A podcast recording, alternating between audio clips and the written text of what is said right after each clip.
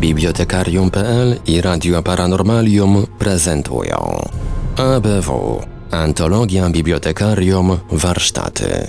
Witaję Cię bardzo gorąco i serdecznie w Radiu Paranormalium, właśnie tutaj, właśnie teraz, prosto do Twoich uszu, drogi słuchaczu, droga słuchaczko, gdziekolwiek jesteś i cokolwiek robisz, rozpoczynamy wlewanie kolejnego odcinka wakacyjnego wydania ABW, Antologia Bibliotekarium Warsztaty, przy mikrofonie Marek Sankiewelios, a po drugiej stronie połączenia internetowego są z nami jak zawsze gospodarze bibliotekarium Marek Żelkowski i Wiktor Żwikiewicz.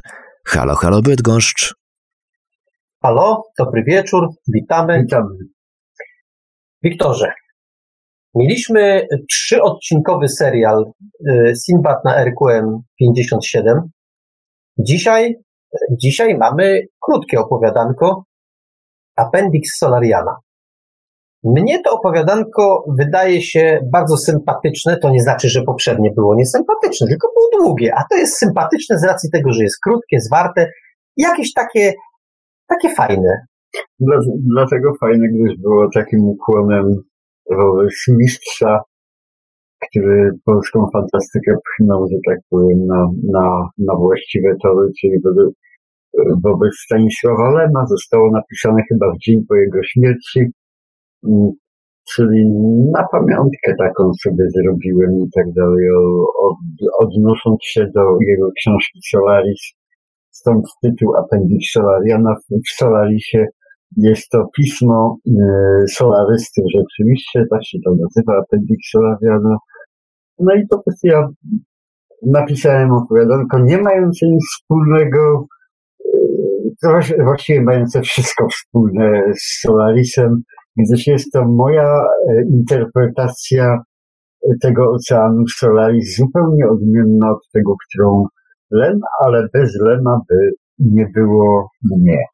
Tak samo e, w życiu, jak i, e, jak i w tym opowiadaniu. I tak samo opowiadania by nie było bez Solarisa. Po prostu ja lubię bardzo to opowiadanie, tak samo jak lubię Stanisława Lema po prostu. Trudno, żeby, żebym napisał opowiadanie, którego nie lubię, jeśli myślę o twórczości Stanisława Lema.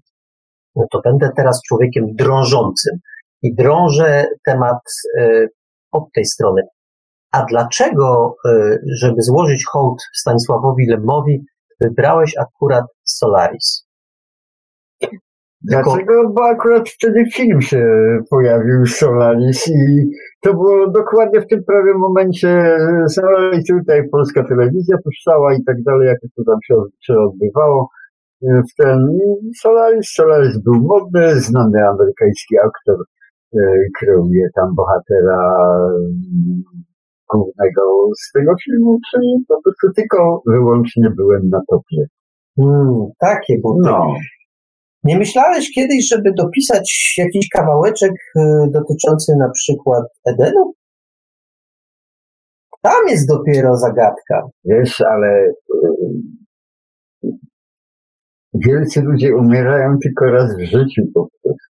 No tak. Lem odszedł, ja wtedy byłem, a to znaczy, no nie byłem w rozpaczy, bo zawsze pozostało nas kilku jeszcze jego uczniów i jakoś próbujemy pchać ten wózek, a do, dochodzą do tego całe watachy młokosów i jakoś się ta polska science fiction toczy. Chociaż bez Lema trochę tam na czole tego pochodu są braki. No dobrze, ale y, nie masz takiego, nie masz takiego wrażenia, że to opowiadanie y, no, bardzo poważnie potraktowałeś, bo jak sam y, w jednym ze swoich wspomnień mówiłeś, zacząłeś, po, po pierwsze musiałeś stworzyć obraz stacji kosmicznej. Którego nie było. Musiałeś ją, e, tu cudzysłów, wymierzyć, mhm bo to ci było niez, niezbędne do, do, do, samej, do samej narracji. No, dużo pracy. Nie, no, to jest kwestia wyobraźni do takiej reżyserskiej roboty przed kręceniem filmu. Gdzie drzwi? Po lewej stronie, po prawej stronie. E, bohater wchodzi, wychodzi. trzeba się dobijać do drzwi, gdzie tam wszystko w tym y, ulema pasowało, wszystko miało ręce i nogi, więc musi tak samo u mnie w tej mojej historii. A jeszcze jako teraz sobie dopiero przypominam ciekawostkę, dlaczego napisałem to opowiadanko w takiej formie, jak, jak napisałem. Otóż kiedyś Lem wydał yy, yy, powieść Strugackich yy, Ślimak na zboczu to był chyba, mhm. coś takiego, wydał to i napisał yy, przed tą książką taką przedmowę, w której zawarł zupełnie inną interpretację. Nie, piknik na skraju drogi, o to, to był, to, to wydał Stanisław Lem. No i po prostu napisał przedmowę, w której była zupełnie inna interpretacja dzieła Strugackich po prostu. Czyli to, co Strugacy napisali, ale ja, Lem, zupełnie inaczej e, interpretuję to, co oni opisali. Oni to opisali, ale nie mieli racji.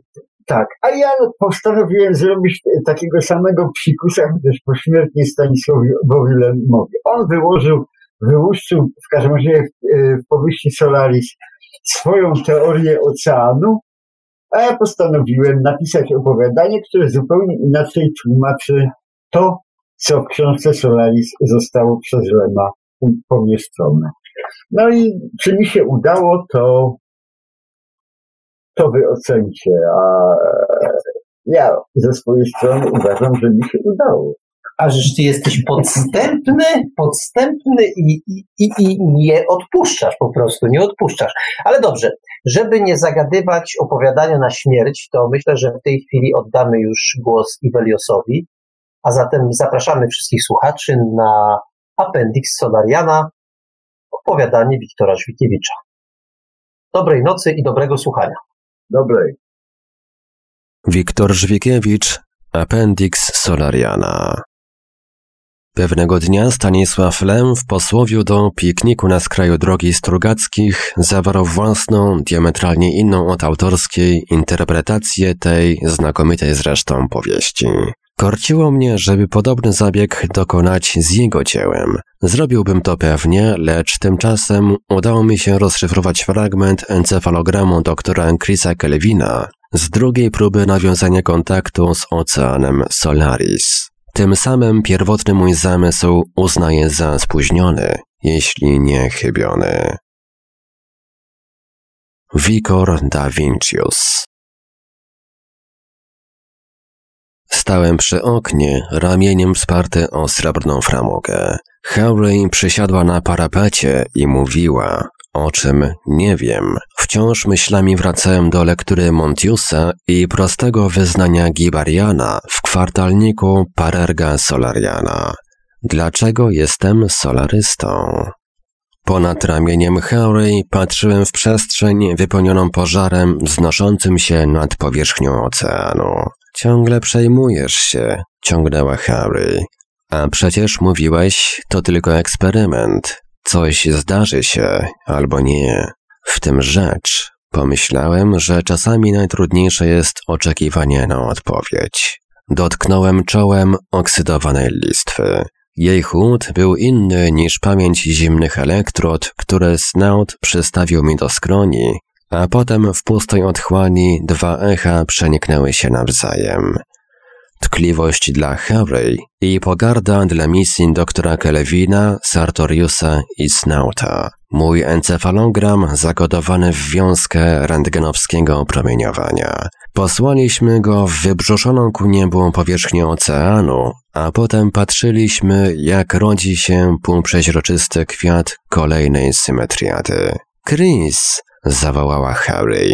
Mimo zamkniętych oczu zobaczyłem światło przenikające nas na wylot i równocześnie poczułem wstrząs stacji, którego dwie fale, od stóp i od czoła przyklejonego do framugi okna, zderzyły się we mnie, jakby drgające dłonie chwyciły mnie za serce. Otworzyłem oczy i zobaczyłem Harry. Przez moment była ciemną sylwetką na białym tle, Światło zgasło jak ogień pożerający papier. Chwila i popiół osypie się z powietrza, lecz rzeczywistość znów ubrała kształty. Spójrz, powiedziała Harry i koniuszkiem palca dotknęła szyby. Przez rdzawy kurz atmosfery srebrna iskra płynęła w stronę stacji. Co się stało? Zapytałem, pokonując skurcz gardła. Zobaczyłam błysk. To było jak wybuch. Tam, w dole, wskazałem powierzchnię oceanu. Nie tam, ani nie od strony gwiazd. Zwyczajnie, na wprost stacji. Przez moment zadrżało wszystko. Niebo, ocean i tutaj, a potem pojawił się punkt. Najpierw był nieruchomy. Potem zrozumiałem, że zbliża się.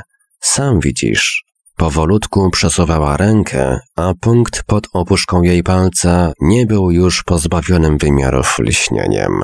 Coraz bardziej sylwetka przypominała rakietową szalupę przeznaczoną do krótkodystansowych lotów między stacją a sateloidem. Kiedy stał się tym, czym powinien być, zniknął z pola widzenia. Równocześnie usłyszałem pomruk silników odsuwających przesłony nad dokiem.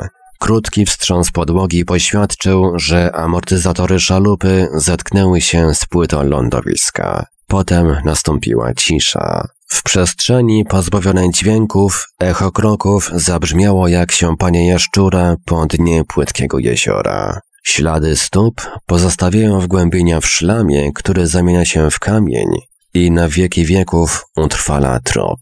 Na dnie kambryjskiej laguny i w korytarzach stacji. Monstrualne zwierzę powłóczy kolumnami nóg. Nagle krok nabiera lekkości. To już bieg. Może behemot zwęszył padlinę i śpieszy na żer.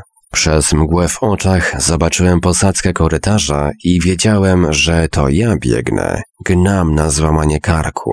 Obok drzwi obitych skórą i tych naznaczonych biało-zieloną szachownicą, przez włazy, które pod uderzeniem mojej pięści ustępują, jakbym miał w sobie moc neutrinowych gości. Bieg, gdy muszę być pierwszy, ja i nikt więcej. Nikt, gdyż tylko ja i może Snout wiemy, kto wrócił do stacji spokojnie płynącej w atmosferze nad powierzchnią oceanu Solaris. Kiedy dopadłem do ostatniej śluzy, uświadomiłem sobie, że nie jestem sam. Lekkie kroki szły za mną trop w trop. Jak mogłem zapomnieć o Harry? O której Harry? Po tej czy po tamtej stronie drzwi? Obróciłem się i plecami oparłem o wybrzuszoną tarczę śluzy. Och, Chris! Nawet nie zwolniła kroku. Lekka i zwinna z rozpędu wpadła na mnie i chichocząc wtuliła mi się w pierś. Chris, chyba to lubię. Następnym razem mnie tak łatwo nie złapiesz. Objąłem ją i przytuliłem. Czułem spokojne bicie jej serca, tam gdzie moje tłukło się jak opętane. Nie możesz tam wejść, Harry, powiedziałem. Wstydzisz się mnie? Zapytała wciąż z rozbawieniem i odrobiną kokieterii. Chciałabym poznać kogoś jeszcze poza twoim snautem i drętwym Sarloriusem. Kto to? Miałem mi powiedzieć o tamtej Harry, uwięzionej w pułapce rakiety, którą posłałem w martwą pętlę orbity wokół Solaris? O tym, jak pękały blachy poszycia kapsuły, kiedy walczyła o życie, a może tylko o to, aby być przy mnie. Dlaczego założyliśmy i wierzymy w to ciągle, że muszą być z nami, bo taki im stwórca założył kajdany? Może tamta Harry, tak samo jak ty, chce być przy mnie po prostu z miłości. Obiecałem sobie, że nigdy żadne drzwi nie staną między mną a tą Harry, i dotrzymałem tej obietnicy. Zawsze, tylko nie teraz. Wejdę tam, powiedziałem, a ty zaczekasz na mnie. Chris! Zaufaj mi. To ostatni raz. Jej oczy zaszkliły się przez moment, ale tylko potrząsnęła głową, zrobiła głęboki wdech i powiedziała już spokojnie: Ufam ci, Chris. Idź. Gwałtownie pchnąłem dźwignię włazu i już byłem po przeciwnej stronie, z jeszcze większym impetem zatrzaskując za sobą pancerne drzwi. Przywarłem do nich plecami i tak znieruchomiałem. Smokłe cygaro rakiety tkwiło w osnowie wsporników tak jak przed startem. Słychać było cichutkie potrzaskiwanie stygnących dysz. Tylko to, żadnych drgań, nic. Zrozumiałem nagle, że nie mam pojęcia, co teraz począć. Przecież nie zrobię nic więcej ponad to, co już uczyniłem, a na pewno nie po raz drugi. Może trzeba było zawołać Snauta, przecież oni to mają większe ode mnie doświadczenie. Im po prostu byłoby łatwiej, bo to nie ich Harry. Równocześnie poczułem drgnienie dźwigni, którą zaciskałem w spoconych dłoniach i wibrację całej płyty, wybrzuszonej na zewnątrz, jakby pod naporem nieludzkiej siły gotowa była odkształcić się w moją stronę. Wytrzymaj, Harry, modliłem się w duchu. Przez moment chciałem dopaść sterowniczego pulpitu i uruchomić radiostację, którą sam wyłączyłem wtedy, uciekając przed strasznym krzykiem. Po co? Żeby teraz samemu błagać jedną z nich. Odejdź, odejdź. Tkwiłem w miejscu i patrzyłem, jak naprzeciw mnie powoli uchyla się klapa włazu rakiety, której śruby z zewnątrz dokręciłem przecież własnymi rękami. A potem nie rozumiałem już nic.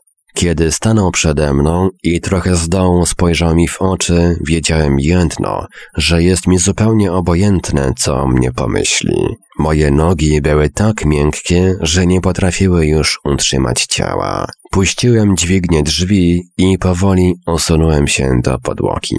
Tylko twarz ukryłem w dłoniach i tak trwałem, dygocząc cały, chociaż to coś we mnie nie było śmiechem idioty. Domyślam się, doktor Kelvin, powiedział głosem bez wyrazu. Zebrałem siły, żeby podnieść się z kretyńskiego przysiadu. Nie próbował mi pomóc i za to byłem mu wdzięczny.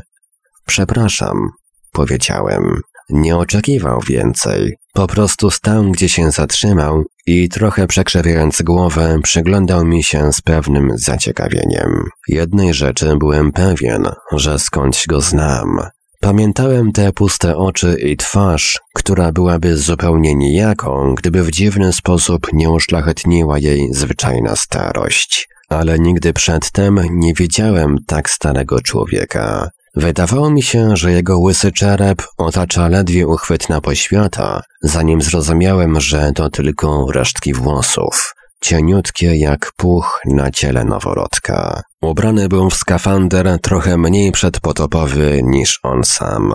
Odruchowo poszukałem wzrokiem. Powinienem to był zrobić od razu. Oczywiście na piersi nosił maleńki identyfikator wszyty w skafander. Znałem go. Każdy z nas go znał. Snout i Sartorius, może nawet Harry. Komandorze, Wykrztusiłem zupełnie bez sensu. To pan? Chciałeś powiedzieć, to pan jeszcze żyje? Uśmiechnął się samymi oczami, potem jakby coś sobie przypomniał, uniósł ramię i chwilę mrużąc oczy wpatrywał się w zegarek nałożony ponad nadgarstkiem na rękaw skafandra. Muszę porozmawiać z Gibarianem. Stwierdził, nad całą resztą przechodząc do porządku dziennego. Przypomniałem sobie minę Snauta, kiedy zjawiłem się przed nim z tym samym żądaniem. Nie żyje, wyjaśniłem po prostu. Aha, powiedział po chwili namysłu. Snout i Sartorius? Są u siebie. O, jego wyblakłe oczy zrobiły się nieco okrągłe. Jak widzę, rozmowa może być milsza niż oczekiwałem. Nie pojmowałem o co mu chodzi, aż zauważyłem, że jego spojrzenie kieruje się nieco w bok od mojego ramienia. Ruch powietrza powinien dużo wcześniej ostrzec mnie, że drzwi za moimi plecami są już otwarte. Odstąpiłem w bok. Pan pozwoli, to Harry, moja żona. Aha, stwierdził po swojemu. Znów zerknął na zegarek. Mam bardzo mało czasu, wyjaśnił.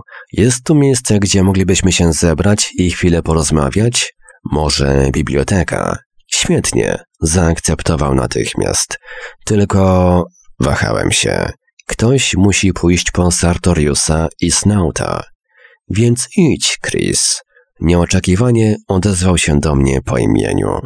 I nie rób takiej miny. Znamy się, ale pamięć to przywilej starców. Idź, Damy sobie radę. Twoja milsza połowa zaprowadzi mnie do biblioteki. Trochę bezradnie spojrzałem na Harry. Nigdy jej nie widziałem takiej, żadnego napięcia w twarzy. Kiedy patrzyła na tego starego człowieka, wyglądała trochę jak roześmiana, zupełnie beztroska dziewczynka, jaką pewnie kiedyś była, zanim ją poznałem. Idź, Chris, zareagowała na moje spojrzenie. Zaprowadzę pana do biblioteki. Bezceremonialnie wsunęła mu dłoń pod łokieć i okręciła się napięcie, a ja stałem i patrzyłem jak odchodzą. Tym razem z pewnością miałem idiotyczny wyraz twarzy. Szczęśliwie nikt tego nie widział. Kiedy powlokłem się wreszcie w przeciwną stronę, spotkałem Snauta przed drzwiami Sartoriusa. Jesteś sam? Popatrzył na mnie z pewnym zdziwieniem i uznaniem. Przemilczałem. Sartorius jest u siebie? Właśnie chciałem uciąć z nim pogawędkę w cztery oczy. Szykuje się rozmowa większego kalibru, powiedziałem. Co jest? Przez jego twarz przemknął niepokój. Zaczekaj, nie będę się powtarzał. Tym razem szklane drzwi laboratorium nie były od wewnątrz niczym przesłonięte. Mimo poświaty z podsufitowych okien korytarza, trochę żółtego światła przesączało się też przez chropowate szkło. Sartorius! Dość bezceremonialnie uderzyłem w drzwi. To ja, Kelvin. Jest ze mną Snout. Mamy sprawę. Wiedziałem już, że Harry potrafi być dzielna, ale niepokój o to, jak długo może się obejść beze mnie, spowodował, że po kolejnym uderzeniu pięścią w szkło Snout chwycił mnie za rękę. Czekaj, słyszę coś. Rzeczywiście, w laboratorium rozległo się szuranie. Cień, podobny do wiatraka z przetrąconymi płatami śmigła, nałożył się na tafle szkła. Klucz niemiłosiernie zgrzytał w zamku, jakby oduczył się otwierać drzwi. Wreszcie Sartorius spojrzał na nas przez wąską szparę, całym sobą przesłaniając widok na resztę laboratorium. Nie miał na nosie swoich czarnych szkieł i pierwszy raz naprawdę zobaczyłem jego twarz. Nie budziła sympatii. Wierzchem dłoni przetarł prawie ślepe oczy. No i co? spytał. Chciałbym kiedyś normalnie wyspać się do końca. Musimy porozmawiać. Tak? No to jesteśmy w komplecie. Może u mnie. Nieoczekiwanie odstąpił krok i otworzył drzwi. Kątem oka widziałem minę Snauta. Życie nie jest takie proste, doktorze Sartorius. Zaśmiałem się. Komplet będzie dopiero w bibliotece. Mamy gościa. Kto? Powiedzieli to równocześnie. Prawie z przyjemnością patrzyłem, jak twarz Sartoriusa wydłużyła się jeszcze bardziej, a Snout zrobił się prawie biały. Mógłbym tę chwilę przeciągać w nieskończoność, ale ten stary człowiek wciąż patrzył na zegarek. My, podkreśliłem, wszyscy razem. Kto to jest? Trochę chrapliwie spytał Snout. Pirks, powiedziałem. Kto? Dopiero teraz mieli miny warte zapamiętania. Ten Pirks? Upewnił się Snout. We własnej osobie, przyznałem. Skąd się tu wziął, u licha? W głosie Snouta zabrzmiało rozdrażnienie. Zapytajcie go sami. Przeleciał rakietką nie większą od naszych transportowych, więc można brać pod uwagę tylko sateloid. Czego chce? Porozmawiać. Chciał z Gibarianem. Kiedy mu wyjaśniłem, że spóźnił się tak samo jak ja, zgodził się na całą resztę. Chwileczkę. Mruknął Sartorius i zniknął w drzwiach. Wrócił z czarnymi soczewkami przytwierdzonymi do twarzy. Chodźmy więc. Czego może tu szukać pilot Pirks? Głowił się po drodze Snout. Komandor Pirks, poprawił Sartorius. Ech, Snout tylko machnął ręką. Dostał to pośmiertnie. Pech tych, którzy mu dali stopień, polegał na tym, że przeżył, gdzie nie powinien. Nie pierwszy raz, wtrąciłem. I trzeba się z nim liczyć, poważnie stwierdził Sartorius. Pewnie, latająca legenda ma przyjaciół. Ile on może mieć dzisiaj lat? Na moje oko co najmniej dwieście. Tak długo się nie żyje, z pewną goryczą przyznał Sartorius. Wszyscy wiemy, że pogrzebano go już kilkakrotnie. Cholera! Snout, jak wryty, zatrzymał się przed drzwiami biblioteki. To on może nawet... Co? Pamiętać odkrycie Solaris. Trochę długo w milczeniu staliśmy w korytarzu, a potem Snout uczynił coś, czego z pewnością nie robił nigdy wcześniej.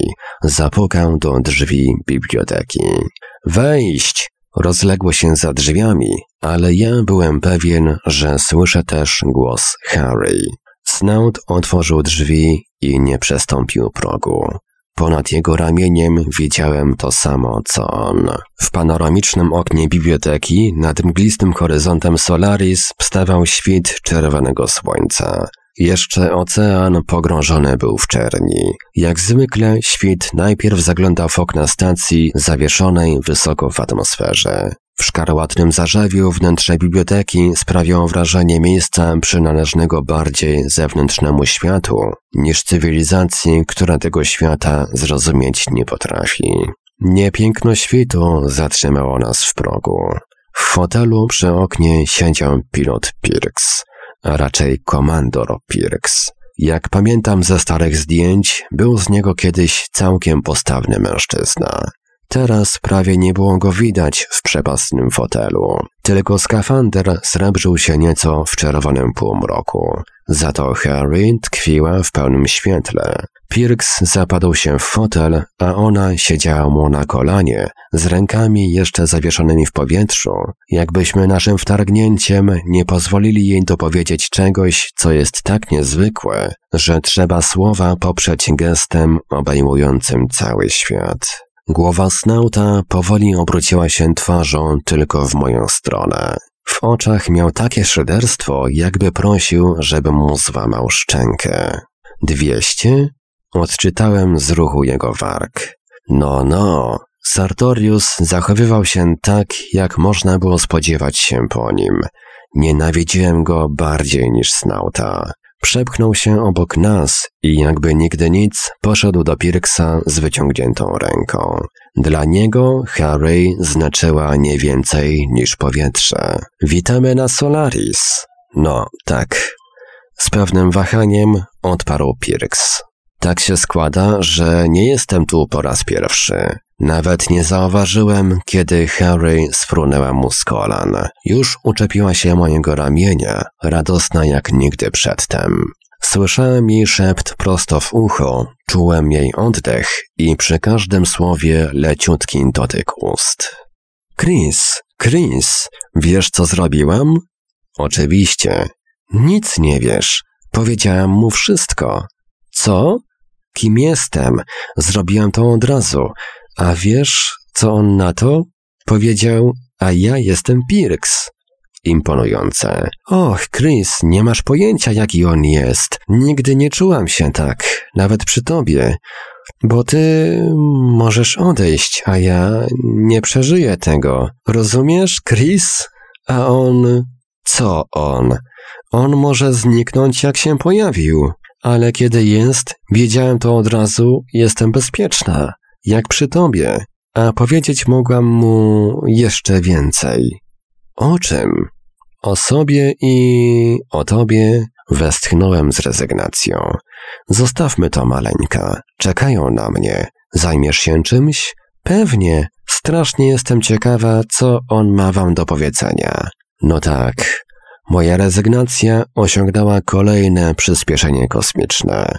Chodźmy. Snout tymczasem zrobił sobie legowisko z książek zwalonych na podłogę. Tylko nogi zarzucił na blat stołu.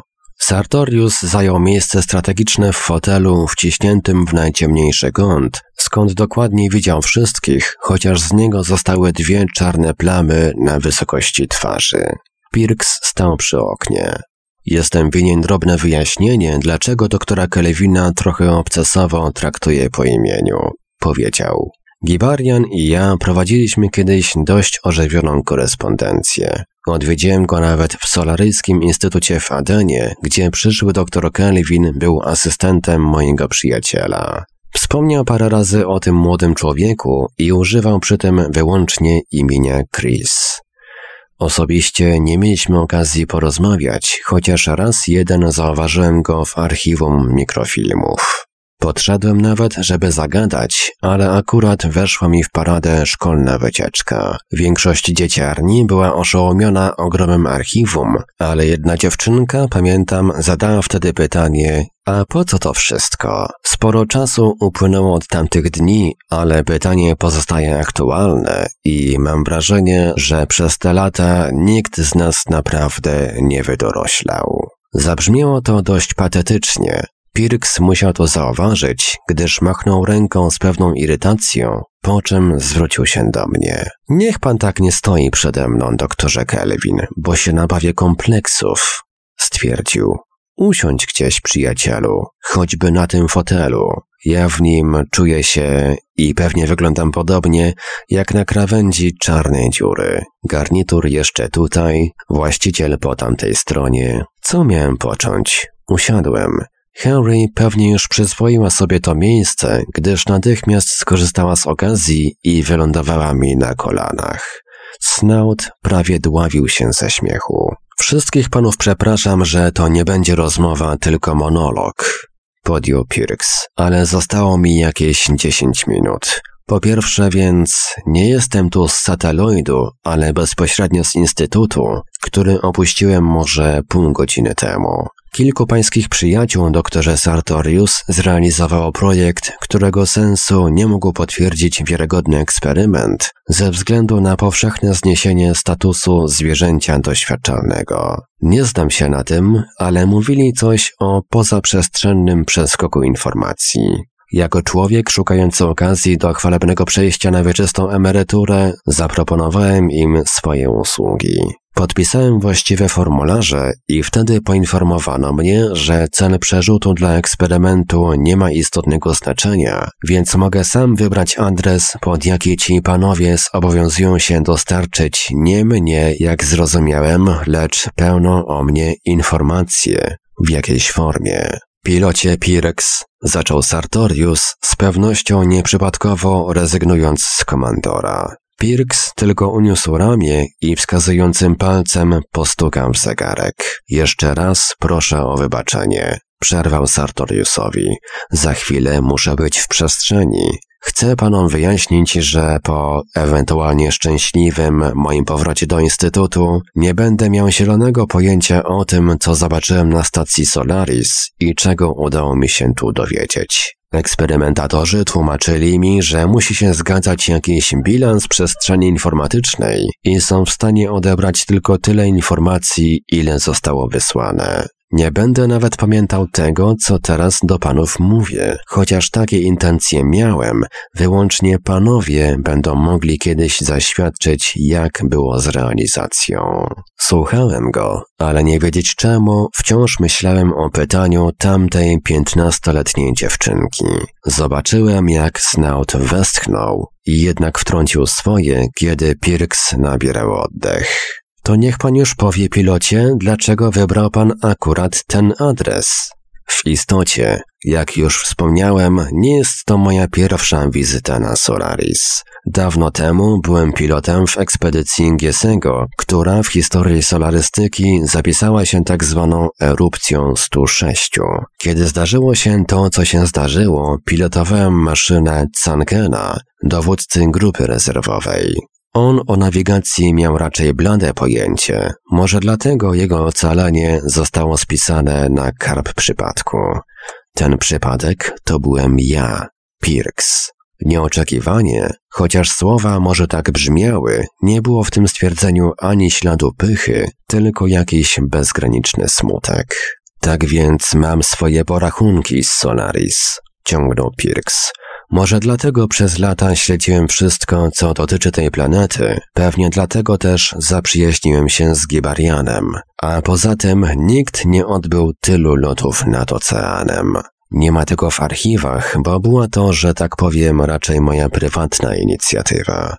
Co widziałem? Może więcej niż Berton, może mniej. Może jak doktor Kelvin zostawię komuś w spadku mój encefalogram, żeby to sobie obejrzał i zrozumiał więcej. Nieważne. Widziałem, jak dłonie Pirksa zwinęły się w pięści.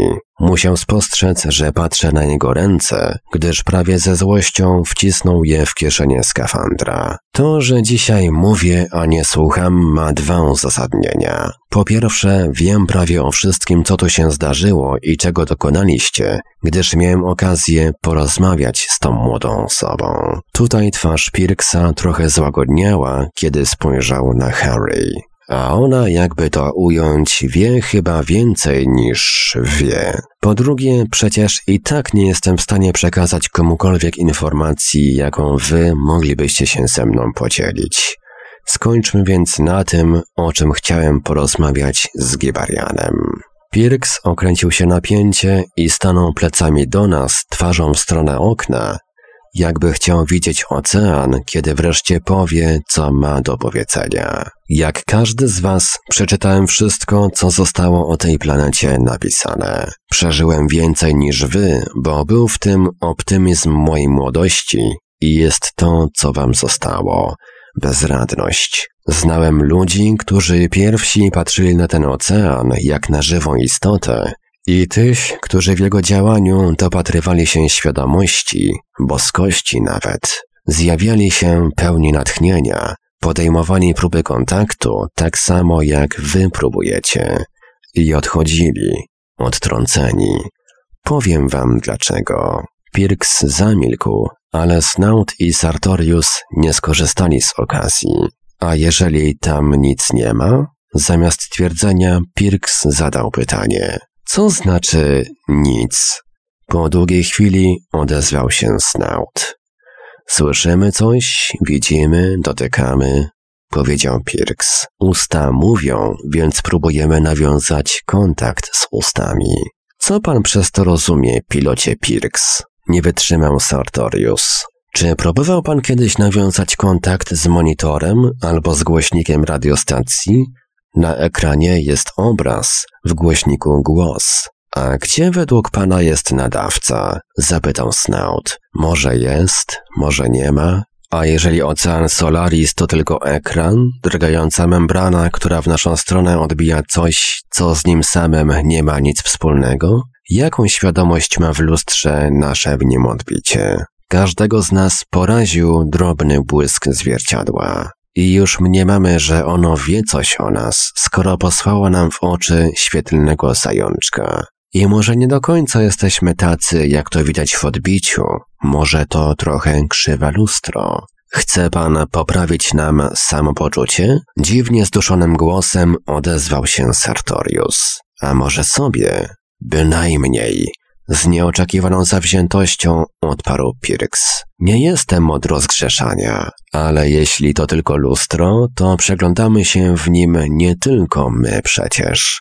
Może cały wszechświat. Widzimy nad oceanem erupcję symetriat i upatrujemy w nich jego dzieło. A jeśli to tylko echo aktywności innych cywilizacji, może takich, po których dawno ślad ostygł we wnętrzu wszechświata, zanim znak ich bytu wzbudził rezonans w neutrinowej membranie. Może w tym lustrze swój ślad zostawia szczątkowe promieniowanie wszechświata, nawet to coś, co dało mu początek. Szukajcie, a jeśli znajdziecie w nim nawet głos Pana, czy też podejmiecie próbę ustanowienia kontaktu? Dopiero teraz poczułem, że Harry trzyma mnie mocno za rękę. Mam tylko jedno pytanie, komandorze. Odezwałem się. Ta planeta posiada niestabilną orbitę. Jeśli ocean jest tylko tym, o czym pan mówi, jak wytłumaczyć fakt, że planeta nie uległa zniszczeniu?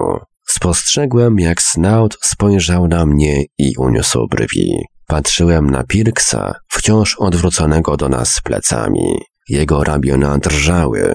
Musiał wyczuć nasze spojrzenia i oczekiwanie, gdyż odwrócił się powoli.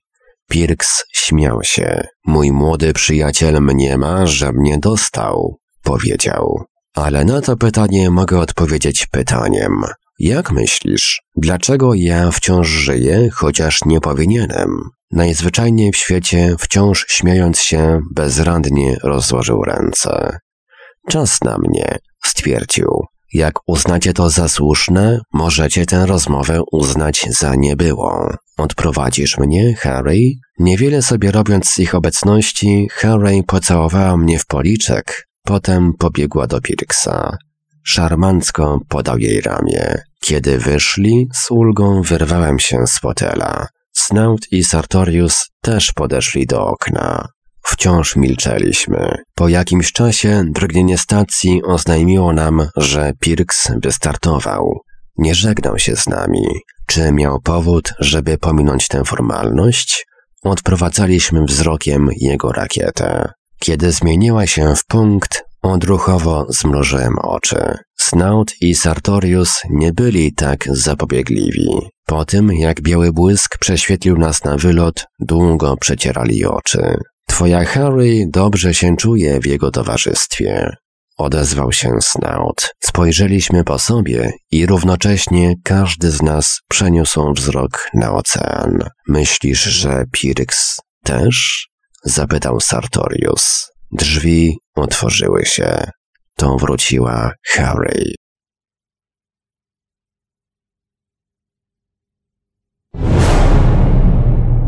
Bibliotekarium.pl i Radio Paranormalium prezentują. ABW Antologia Bibliotekarium Warsztaty